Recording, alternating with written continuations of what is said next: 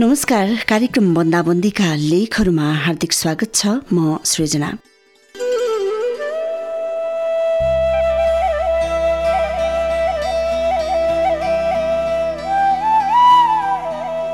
बन्दाबन्दी अब भने अलिक बढी भएको महसुस भइरहेको छ। बन्दाबन्दीको असर विभिन्न क्षेत्रहरूमा प्रत्यक्ष वा प्रत्यक्ष रूपमा नराम्ररी पर्दै गइरहेको छ। सबै क्षेत्रको अप्ठ्यारोहरूलाई मध्यनजर गर्दै लकडाउनलाई केही खुकुलो पार्दै लैजानुपर्ने आवश्यकता पनि देखिन थालेको छ। यो सँगसँगै देशका विभिन्न ठाउँहरूमा व्यापारीहरूले व्यापार व्यवसाय सञ्चालन गर्न पाउनुपर्ने भनेर माग पनि राखेका छन्। दोलखामा दिउँसो बाह्र बजेसम्म पसलहरू खुल्ने भएका छन्। दोलखामा लकडाउनलाई केही खुकुलो बनाइएको छ। तर लकडाउन खुकुलो भयो भनेर हामीले सुरक्षाका उपायहरूलाई पनि अवलम्बन गर्न छाड्नु हुँदैन। मास्क ग्लोभ्स र साबुन पानी जस्ता सुरक्षा सामग्रीको प्रयोगलाई कम गर्न भने हामी लाग्नु हुँदैन। सम्पूर्ण सुरक्षाका उपायहरू अप्नाऊ आफू पनि बचाउँ र अरूलाई पनि बचाउँ भन्ने आग्रह गर्दै कार्यक्रम बन्दाबन्दीका लेखहरूमा आज फेरि अर्को एउटा लेखको साथमा म उपस्थित भइसकेको छु। राजेश ढुङ्गानाले लेख्नु भएको खुसी आफैभित्र शीर्षकको लकडाउन डायरी हेर्ने कथाबाट साभार गरिएको आजको बन्दाबन्दीका लेखहरूमा।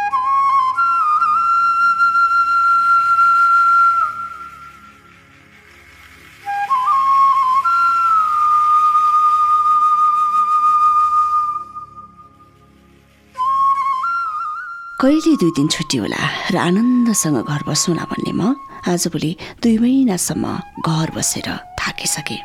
दिन दुई गुणा रात चार गुणाले पट्यार लाग्दो भइरहेको छ दिन। कस्तो दिन आयो?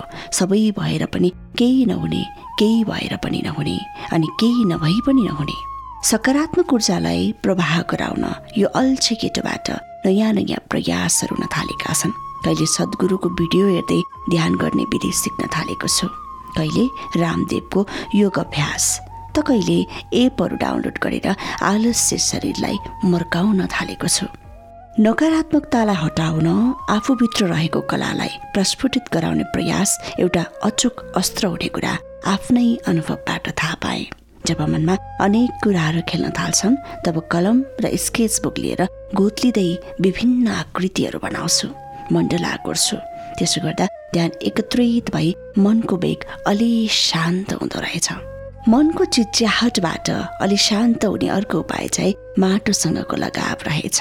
सानो टुक्रो बारीमा आमाले काँक्रो फर्सी मकै सिमी इस्कुस सागपातो बाँड्नु भएको छ। त्यहाँ गएर गुडमिल गर्दा झाडो खेल्दा झाड सँगसँगै मनको निराश्यता पनि उखेलिएर मन पर्ने गोड्ने बित्तिकैको माटो जस्तै फुरुङ्ग हुँदो रहेछ।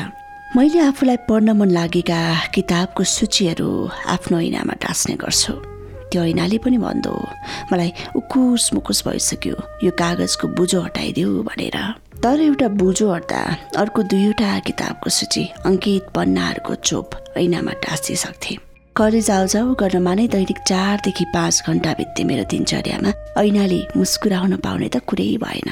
तर अहिले सन्दर्भ बिल्कुल फरक भएको छ। पन्नाहरू हप्ताको एक दुईवटा कहिले पन्ध्र दिनमा एउटा गरेर उप्किँदै गइरहेका छन्। पाउलो सेलो सेक्सपियर प्लेटो सोपेनावर अर्वेल महाकवि देवकोटा पारिजात बुद्धिसागर नयनराज पाण्डेका रचनाहरू अङ्कित पन्नाहरू उप्किँदै गएका छन्। वेल डुरान्टको आवर ओरिएन्टल हेरिटेजको ठेलीले बिस दिनसम्म थिचेर राख्यो। पूर्वीय दर्शनप्रतिको लगाव झनै बढ्दै गइरहेको छ। सानै छँदा टिभीमा हेरेको महाभारत आजभोलि पढ्न थालेको छु। अनेक पत्रको अनेक चरित्रले सुसज्जित महाभारत त झन् व्यापक ज्ञानको भण्डार पो रहेछ भन्ने बोध भएको छ। आजको दिनसम्म पनि कुटिल राजनीतिज्ञ कृष्ण अभागी र उपेक्षित गर्न चतुर सकुनी पुत्र भक्त राष्ट्र अनैतिक र सत्ता मोहित दुर्योधन विवश विश्व नीतिवान सज्जन पुरुष विदुरसँग त प्रत्येक दिन साक्षात्कार भइरहेको पो महाभारत जति प्राचीन भए पनि कहिले बुठ्यौली नलाग्ने र साँच्चै भीष्मको जस्तै इच्छा मरणको सञ्जीवनी बोकेको अमर ग्रन्थ पो रहेछ। गाउन नजाने पनि शास्त्रीय सङ्गीत मेरो मन पुलकित पार्छ। सितार हार्मोनियम र तबलाको धुनसँगै कहाँ कहाँ बग्छु पत्तै पाउँदिनँ। साथी कोचसँगै फ्रेन्च सिक्ने आग्रहलाई स्वीकार गर्दै आजभोलि साँझ डेढ घन्टा ल्यापटप अगाडि बसेर युट्युबको भिडियो हेर्दै गोत्लिन्छु। मरे उच्चारण गर्न जान्दिनँ। त्यही पनि हार मानिसकेको छैन। असफल हुँदैमा हार मानेको भए संसार कहाँ बिजुली बत्तीले झलमल्ल हुन्थ्यो होला र। जेके रोलिङको ह्यारी पोटर कहाँ जनप्रिय हुन सक्थ्यो र? पृथ्वीनारायण शाहले हार मानेका भए मैले यो डायरी कुन पो भाषामा लेखिरहेको हुन्थे मलाई नै पत्तो छैन। नकारात्मकता मात्र होइन प्रत्येक चुनौतीले सकारात्मक सङ्केत पनि आफैसँग बोकेर ल्याएको हुन्छ। मलाई पनि यो बन्दाबन्दीले ठुलै पाठ सिकाएको छ। हामी जिन्दगीमा अरूलाई अल्छाउँदै पन्छाउँदै अनि कुल्चदै अनेक चिजको प्राप्तिमा भौतारिन्छौँ। एक चिजको प्राप्तिपछि फेरि अर्कै वस्तुको प्राप्तिको पछि दौडिन्छौँ। त्यही तृष्णाले नै आज मानिसले यति भौतिक प्रगति गरेको होला। तर मानिस नैतिक मानसिक र आध्यात्मिक रूपले स्खलित हुँदै गइरहेको छ। पाएको कुरामा खुसी नै हुँदैनौँ। हामी दिनभरिको दौडधुपमा पनि सुखी त हुँला तर खुसी गाउँछौँ खुसी त गाउँको बाँझो खेतबारीमा बुढा भएका बाबुआमालाई एक्लै छाडेर सहर बस्दा आमा बुवाको आँसुसँगै बगेर गए। सुखको मापक करोडौँको घर लाखौँको गाडी र विलासिता भोग होला तर खुसीको मापक भने सन्तुष्टि नै हो। जो आफ्नो कार्यप्रति सन्तुष्ट छ उनै खुसी हुन्छ। आँधी उरी आउँदा प्रत्येक रुख चराकै भर परे जस्तै हामी पनि हाम्रो चरामा नै आश्रित हुँदो रहेछौँ। त्यही भएर होला। हामी अनेक कष्ट गरेर भए पनि बुढा बाबुआमाले दस नङ्ग्रा खियाएका थाक थलो गएका यो बन्दाबन्दीले गर्दा कहिल्यै आफ्नो बाबुआमासँग खेल्न नपाएका नानीहरूले आफ्ना बाबुआमाको हात समाउँदै रमाउन पाएका छन्। वर्षौँ टाढा भएका सन्तानलाई साँच्चै नै सहारा चाहिएका बुढा बाबुआमाको खस्रो हातले सुमसुम्याउने मौका पाएको छ। सकारात्मकताको खोजी गरौँ सुख टाढा होला तर खुसी आफैभित्र छ।